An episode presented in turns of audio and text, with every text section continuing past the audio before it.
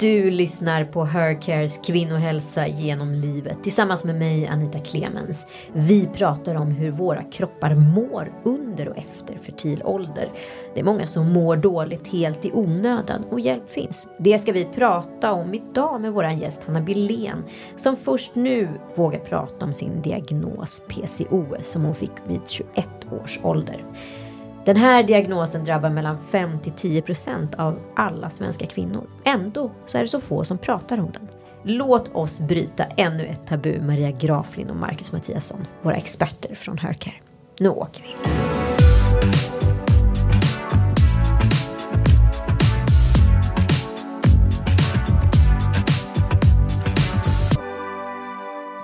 Hej Maria och Marcus, ska ni berätta vad ni jobbar med hos Hercare? Ja, jag kan börja. Maria Graflind heter jag och är sjuksköterska eh, och arbetar även som näringsterapeut på Hercare. Så jag har två olika roller där. Okej. Vad gör du nu igen, Marcus? Du har gästat oss förut, men det är lika bra för nytillkomna lyssnare att få höra. Ja, precis. Marcus Mattiasson heter jag och jobbar som hälsocoach och näringsterapeut.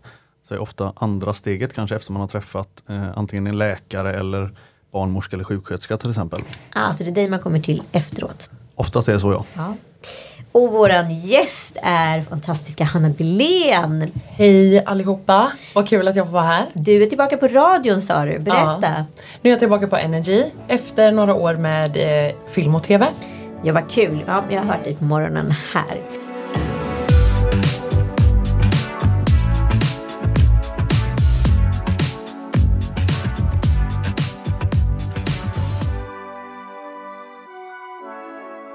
Du, vi, vi, kastar oss in direkt i samtalet här. Jag tycker vi ställer frågan direkt. Vad är PCOS? Ja, det är ju ett tillstånd som in, kan innefatta um, oregelbunden mens. Den kan innefatta en hel del syn, symptom um, som man lider ganska mycket av uh, och ehm, kan få faktiskt väldigt bra hjälp med. Vad är det för skillnad exempelvis på PCOS och PCO? Mm, PCO är ju själva tillståndet. Alltså att man har många omogna folliklar, alltså äggblåsor som ligger och liksom inte kommer vidare. De, ligger, de blir liksom fler och fler så att det, de ligger där och utsöndrar manliga könshormoner och eh, som i sin tur också hämmar ägglossningen. Okay. Och eh, PCOS är själva syndromet som är liksom flera olika symptom egentligen. Okej, okay, och hur kan de uttrycka sig?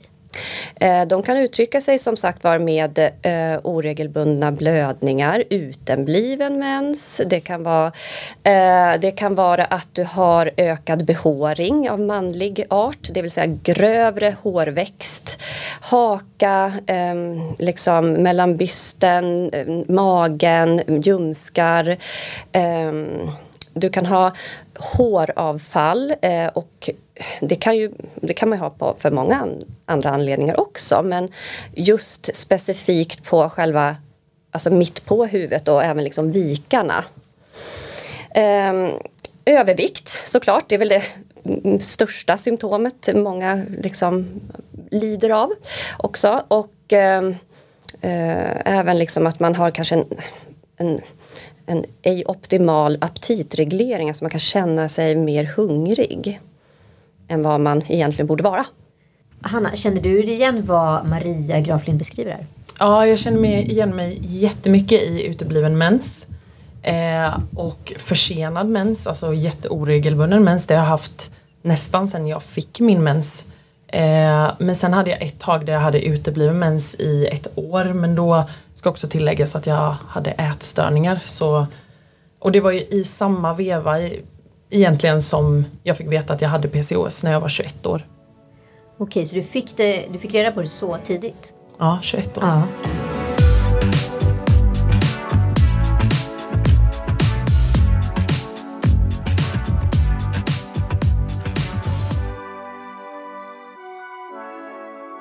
Marcus, kan vissa situationer i livet framkalla det här tillståndet? Ja, det är klart att det är vanligare i samband med eh, stress och sådana saker. Stress kan ju bidra till, till att det kanske, alltså det kan vara en utlösande faktor, men oftast behöver man ju kanske ha eh, genetiska anlag i grund och botten för att utveckla det. Eh, två eh, olika kvinnor kan ju kanske leva samma liv men den ena utvecklar PCOS till exempel. Okej, men kan du förklara hur, hur, skulle det, hur går det till? Liksom? Vet man varför? Det är väl inte helt klart hur det uppstår eller exakt vad, vad som, som bidrar till det men alltså om man ska beskriva hur det fungerar rent biokemiskt eller det som tri triggar själva PCOS-problematiken så har det att göra med signaleringen från hjärnan till äggstockarna som är ur balans av någon anledning. Och det är lite oklart vad som är hönan och vad som är ägget i det här fallet för det finns ju vissa gemensamma nämnare till exempel det här med att då eh, den uteblivna ägglossningen innebär ju att, att man inte får en stegring i progesteronnivåer som i sin tur då har en eh, åt, alltså har en negativ återkoppling i hjärnan och i sin tur då stänger av signalen från hjärnan till äggstockarna så att inte hela den, den hela tiden står och liksom, vad ska man säga, alltså mm, forcerar äggstockarna till att producera hormoner. Och i, med, med, i samband med det då så uteblir ju den här naturliga menscykeln helt enkelt, vilket i sin tur då gör att ja, man, man har utebliven man har mensrubbningar eller utebliven mens, man har liksom en konstant, vad ska man säga, hormonell obalans på grund av de här rubbningarna som sker då med tanke på att man inte har en naturlig ägglossning. Och så. så om jag förstår, är det någon slags felkoppling? Så som det ser ut så har du ju helt enkelt, du har ju hypotalamus i hjärnan som signalerar till hypofysen som i sin tur signalerar till könscellerna. Och det som sker naturligt sett under menscykelns gång det är att man har ganska tydliga pulser mellan de här olika regionerna i hjärnan och sen då äggstockarna, vilket i sin tur är det som helt enkelt bidrar till själva menscykeln eller variationer under själva menscykeln. Men det som sker vid PCOS är att den här signalen från hjärnan till äggstockarna blir mer frekvent och mindre pulsativ. Alltså man har helt enkelt en ökad frekvens av stimulering från hjärnan till äggstockarna. Och det i sin tur då gör att eh, folliklerna i äggstockarna inte mognar tillräckligt mycket för att liksom kunna eh, iscensätta eller sätta igång en vanlig ägglossning om man ska kalla det. Och det är ju det då som i sin tur bidrar till det här som man kan se vid ett ultraljud, det vill säga de här polycystiska ovarierna som är egentligen det som PCO står för om man ska det.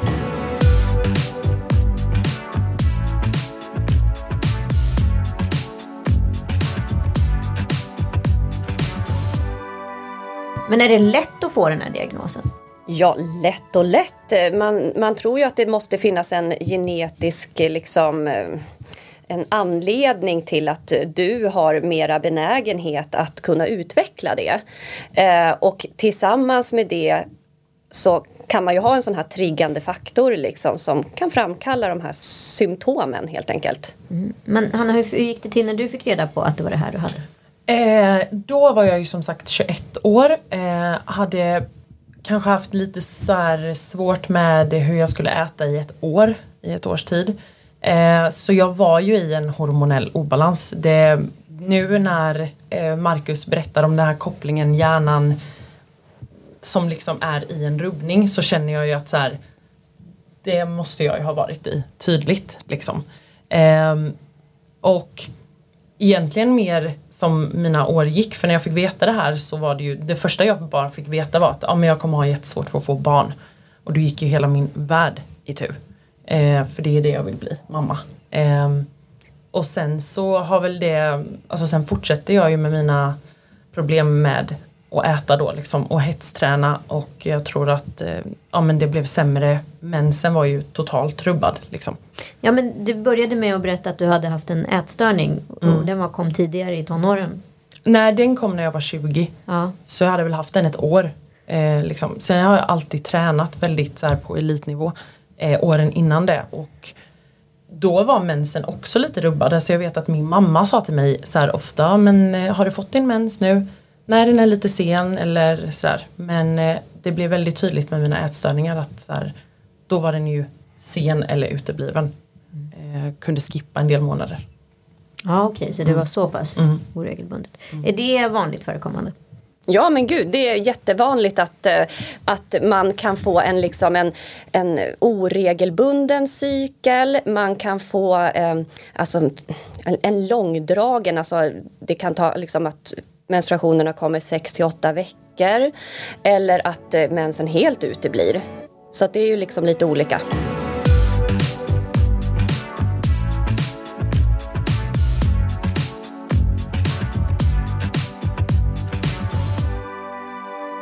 Hur påverkar PCOS vardagen? Vi kan börja med dig, Hanna.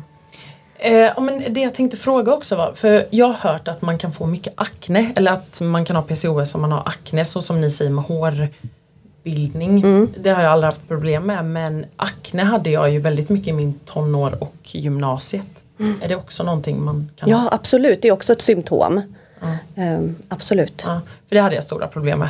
Men det fick inte du någon förklaring på då? Nej, Alltså när jag fick veta det här så var ju det enda var ju så här, ja ah, du har en släng av PCOS, eh, du kommer ha svårt för att få barn. Hejdå. Mm. Och det jag var bara, det enda mottagande du fick? Ja, och då var jag ju 21 år och mm. bara, jaha, eh, okej. Okay. Vad gör jag nu? Det där, och det ökar ju din stress helt enkelt. Ja. Helt i onödan. För det finns ju ingenting som säger att, att eh, kvinnor med PCOS inte får de antalet barn de vill ha. Så ja, man kan ha svårt att ägglossa. Eh, men att få, få barn, eh, kanske med hjälp av liksom läkemedel eller eh, genom att det räcker med, med kost och livsstilsförändringar så ser man liksom ingenting, någon svårighet i sig att bli gravid.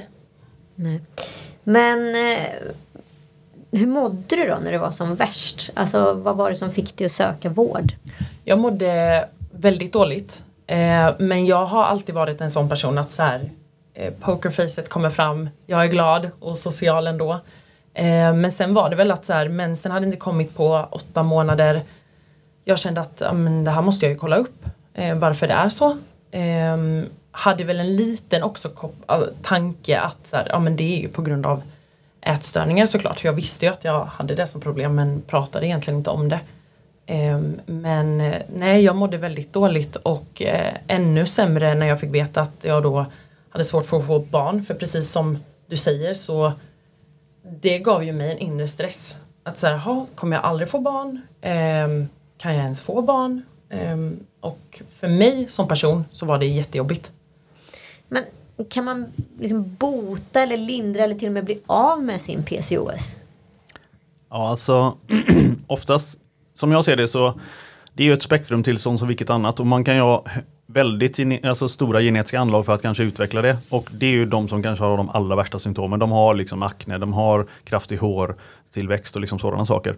Eh, och alla kan väl kanske bli bättre i sina symptom men alla, alla kanske inte kan bli av med dem helt och hållet. Men det finns ju mycket man kan göra. Sen beror det också lite på vad som är själva grundorsaken till det hela. Alltså vi diskuterar det här med signalen från hjärnan till äggstocken och så vidare. Men det är oklart vad det egentligen är som alltså påbörjar eller liksom sätter igång hela processen. Om det är någon typ av rubbning i hjärnan eller om det är någon rubbning i andra delar av kroppen och sådana saker. Det finns ju ett samband mellan PCOS och insulinresistens till exempel. Och sambandet som man ser, eller det som man diskuterar är ju att alltså, den här stimuleringen från hjärnan till äggstockarna förskjuter ju, skapar ju hormonella obalanser på så vis att testosteronnivån ökar i samband med att de här omogna vad ska man säga, folliklerna kommer Eh, stimuleras till att producera testosteron istället och det i sin tur i höga nivåer kan bidra till insulin, insulinresistens vilket i sin tur då innebär att ja, um, helt enkelt man, man, även får metabola, metabola rubbningar av olika slag, alltså blod, problem med sin blodsockerreglering och sådana saker.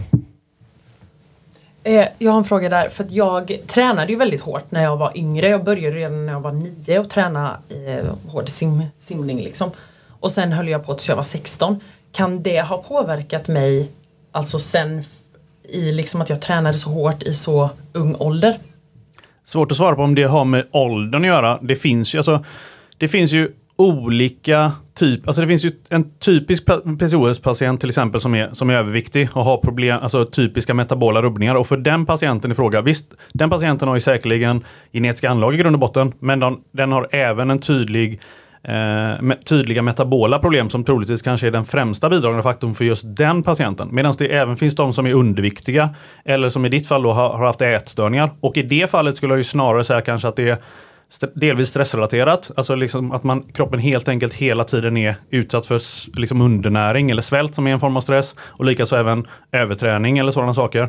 Eh, vilket i sin tur också liksom är en form av stress. Och det i sin tur då på något vis kopplar väl ur signal, alltså det, det liksom rubbar signalen från hjärnan till äggstockarna. Och likaså även kan förhöjda kortisolnivåer i samband med stress bidra till insulinresistens som också finns liksom som också är en bidragande faktor till PCOS-problematiken. Så det är säkert en kombination av flera olika faktorer. Men det är inte ovanligt att kvinnliga mm, elitidrottare till exempel har alltså PCOS-besvär mm, till exempel, eller symptom. Ja precis, för det är ju ett, en positiv eh, effekt i alla fall. Att eh, man kan ha lättare att bygga muskler eh, och eh, också har då liksom starkare liksom ben. Eh, så att man får inte liksom benskörhet lika enkelt. Så att, eh, det är viktigt att lyfta de faktorerna också. Det är ju många elitidrottare som faktiskt har PCOS.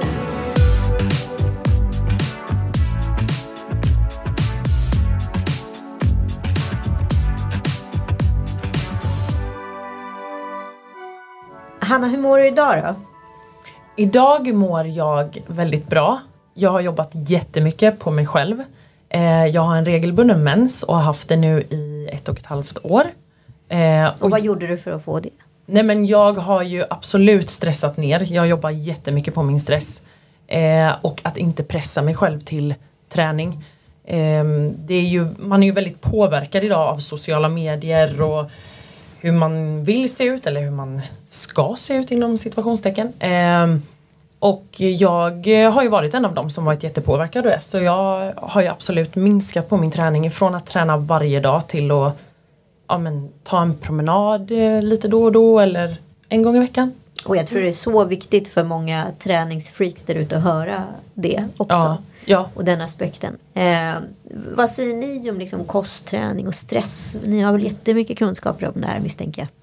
Som jag ser det så, alltså vid en PCOS-problematik så får man ju först och främst läsa in patienten i fråga och tolka den patientens besvär och symptom på så vis att är det här en, en patient som har tydliga metabola rubbningar och är det liksom blodsockerregleringen vi ska fokusera på först och främst eller är det mer den stressrelaterade aspekten och att kosten kanske är sekundär eller vad man ska kalla det eller liksom mer som ett komplement. Vissa är det ju, för vissa kan det ju räcka bara att förbättra sin kosthållning och förbättra sin metabola hälsa vilket i de allra flesta fall även innebär att man behöver gå ner i vikt i de fallen då man faktiskt är överviktig. Bara det kan ju göra att man mer eller mindre blir liksom av med sina besvär. Men om det å andra sidan är en patient som har tydliga stresssymptom och eh, med medföljande PCOS-problematik troligtvis på grund av det, då kanske inte, alltså då skulle jag inte nödvändigtvis eh, rekommendera samma saker som jag skulle rekommendera till en överviktig patient till exempel.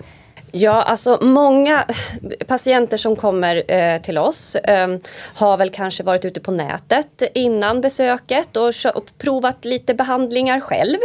Eh, och, eh, som till exempel? Ja, som till exempel går man ut och söker på Google då kommer det fram att man ska vara, eh, äta väldigt låg kolhydratskost och ketogent och så här va och det kanske de har gjort. Eh, vilket kanske har förvärrat symptomen till och med. Eh, så det är också väldigt viktigt att eh, se till liksom vad varje individ verkligen behöver så att eh, man inte helt enkelt förvärrar det. Precis. Ja, jag hade ju ett tag där där jag helt uteslöt alltså, kolhydrater.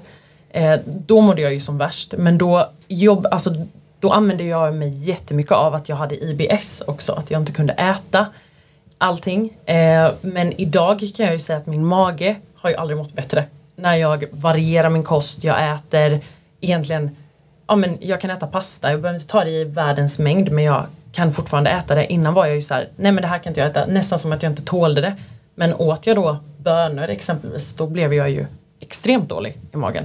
Alltså jag liksom fanns ingen balans. Nej, det fanns ingen balans. Mm, det är väldigt viktigt det där med tarmhälsan, att den fungerar. Det finns många med PCOS som har de här besvären verkligen. Jag tycker ju som sagt var Kosten är ett verktyg som vilket annat och för vissa kan ju en tillfällig lågkolhydratkost hjälpa väldigt mycket om man har tydliga problem med sin blodsockerreglering. Men i andra fall är det liksom inte att rekommendera och precis som Maria säger så finns det ju de som har gjort den typen av, alltså man går ut och läser på, på, på nätet till exempel och det står att ja, PCOS orsakas av insulinresistens och att man ska lägga om till en lågkolhydratkost för att bli av med sina besvär. Men som sagt var, det är inte alltid så för alla, även om det kan hjälpa för vissa. Så att det är väl där då som det är viktigt att Kanske eventuellt söka hjälp och få någon typ av handledning eller vägledning genom processen.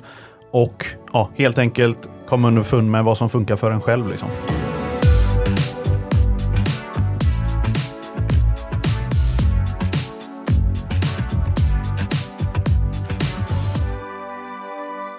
Om man nu sitter hemma och tänker sig, gud jag känner igen mig i det här, vad är det första man ska göra då? Absolut, ta kontakt med oss. Eh, boka en, eh, en tid. Eh, alltså flödet ser ju ut så att man bokar en kort tid med en sjuksköterska först som går igenom liksom symptom. Eh, ser till att du tar rätt prover för det är ju inte bara att ta vilka prover som helst utan vi vill ju ha specifika prover. Har du fått en diagnos? Eh, eh, behöver du till våran gyn eller har du varit till en annan gynekolog och fått en diagnos till exempel? Och eh, utifrån det absolut näringsterapeut skulle jag säga. Och vad har du gått, genomgått för behandling nu Hanna? Jag har ju då, jag går ju hos psykolog, gör jag eh, regelbundet. Sen har jag ju också gjort Her Cares, eh, den här första hormonella behandlingen där jag fått göra liksom 29 stycken blodprov, se vad jag har brist på och eh, vad jag behöver och inte behöver i min kropp. Eh, sen har jag också gått till näringsterapeut och eh, fått lära mig vad, vad jag behöver. Men jag har jobbat extremt mycket på mig själv. Så det är ditt råd, liksom, att man så måste våga se sig själv? Eller? Och... Ja, och verkligen att vara så här öppen och ärlig till sig själv. Att, vad är det jag tycker är jobbigt? Vad är det jag har problem med? Och problem är inte det ordet tyckte jag var jättejobbigt innan. Men eh, det är så viktigt att så här, vara öppen med det och våga ta hjälp.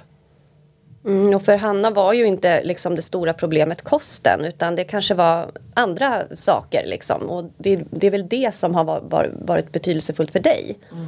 Ja, jag tycker det är viktigt att man kanske stannar upp och försöker se över eller fundera på vilken typ av PCOS-patient är jag? Är jag den som underäter och övertränar eller liksom i den kategorin eller är jag den som är kanske överviktig och av den anledningen eh, kanske har PCOS? Så och även om övervikt i sig kan vara ett symptom på PCOS så finns det liksom ett samband däremellan. Och det, som kategoriskt sett skulle jag säga att det finns kanske två olika läger.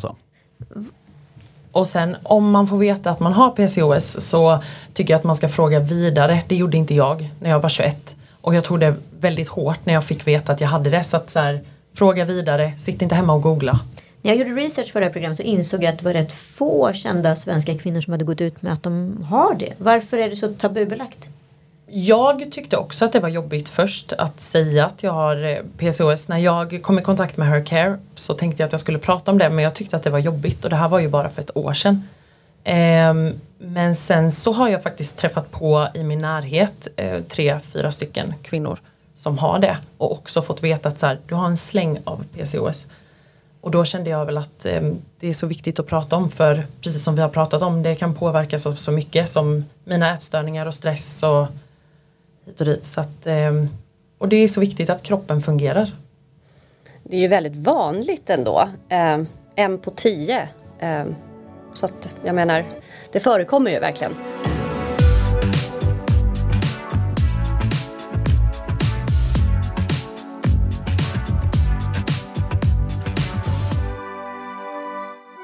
Vad händer då om man inte tar hand om sin PCOS? Jo men du har ju en ökad risk att utveckla eh, hjärt-kärlsjukdom, diabetes typ 2 och övervikt fetma. Så det är viktigt att eh, faktiskt gå till en gynekolog och få behandling i sådana fall. Nu har vi varit inne på det lite Hanna, men vissa har ju haft eh, alltså psykiska problem eh, och det har framkallat det. Du, du har ju berättat lite om det. Ja, eh, men jag har haft eh, ångest eh, till och från eh, skulle jag säga som har varit eh, väldigt jobbig och påverkat mig jättemycket i min vardag. I jobb, eh, relationer, eh, ja egentligen allting. Ja, man kan ju, kanske inte veta egentligen vad som är hönan och ägget men det är klart att är hormonernas påverkan på signalsubstanserna, det vet vi ju. Eh, sen är det ju så också att de här symptomen som man har eh, sänker ju ens självkänsla rejält. Eh, så vad som är vad är kanske svårt att säga. Ja, om vi återkopplar till det här med hormoner så innebär ju en utebliven ägglossning även att man inte kommer ha höga progesteronnivåer, vilket i sin tur även gör att man inte kommer ha förhöjda nivåer av GABA som är kroppens primära lugnande signalstans, vilket i sig då kan bidra till ångest till exempel. Och sen då det faktum att PCOS även, inte i alla fall, men i många fall även innebär att man har förhöjda testosteronnivåer, så kommer ju det även öka nivåer av till exempel dopamin och noradrenalin som kan i allt för höga nivåer bidra till Alltså panikångest och sådana saker. Men då, så dopamin, alltså det är ett positivt ämne som jag har förstått det rätt. Men det kan alltså, om man har för mycket av det så kan det bli negativt? Eller?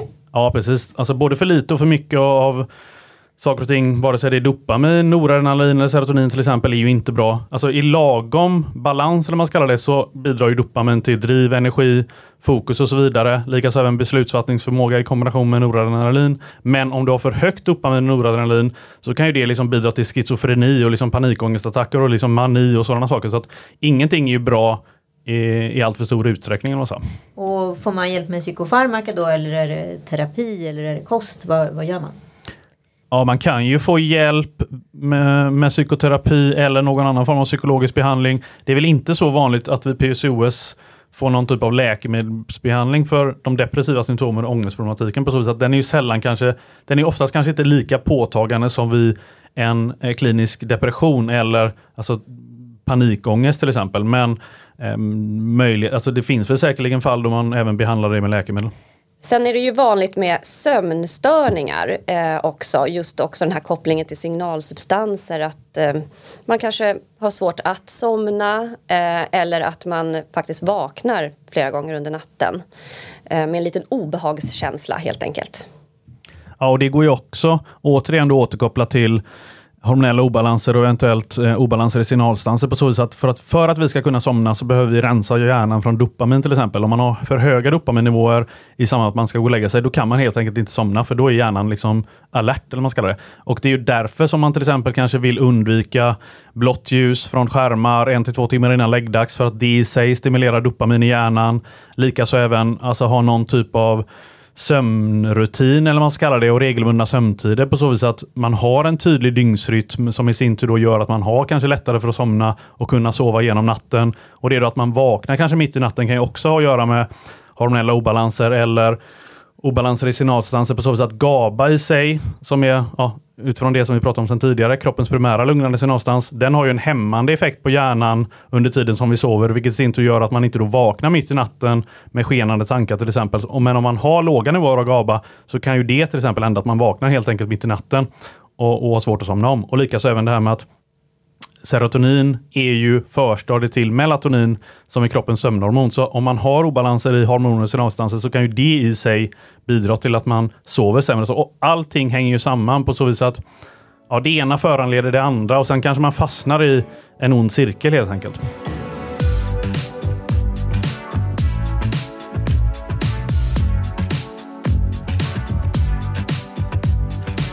Vi har fått lite lyssnarfrågor här. Hej, jag har PCOS och besvär med manlig hårväxt.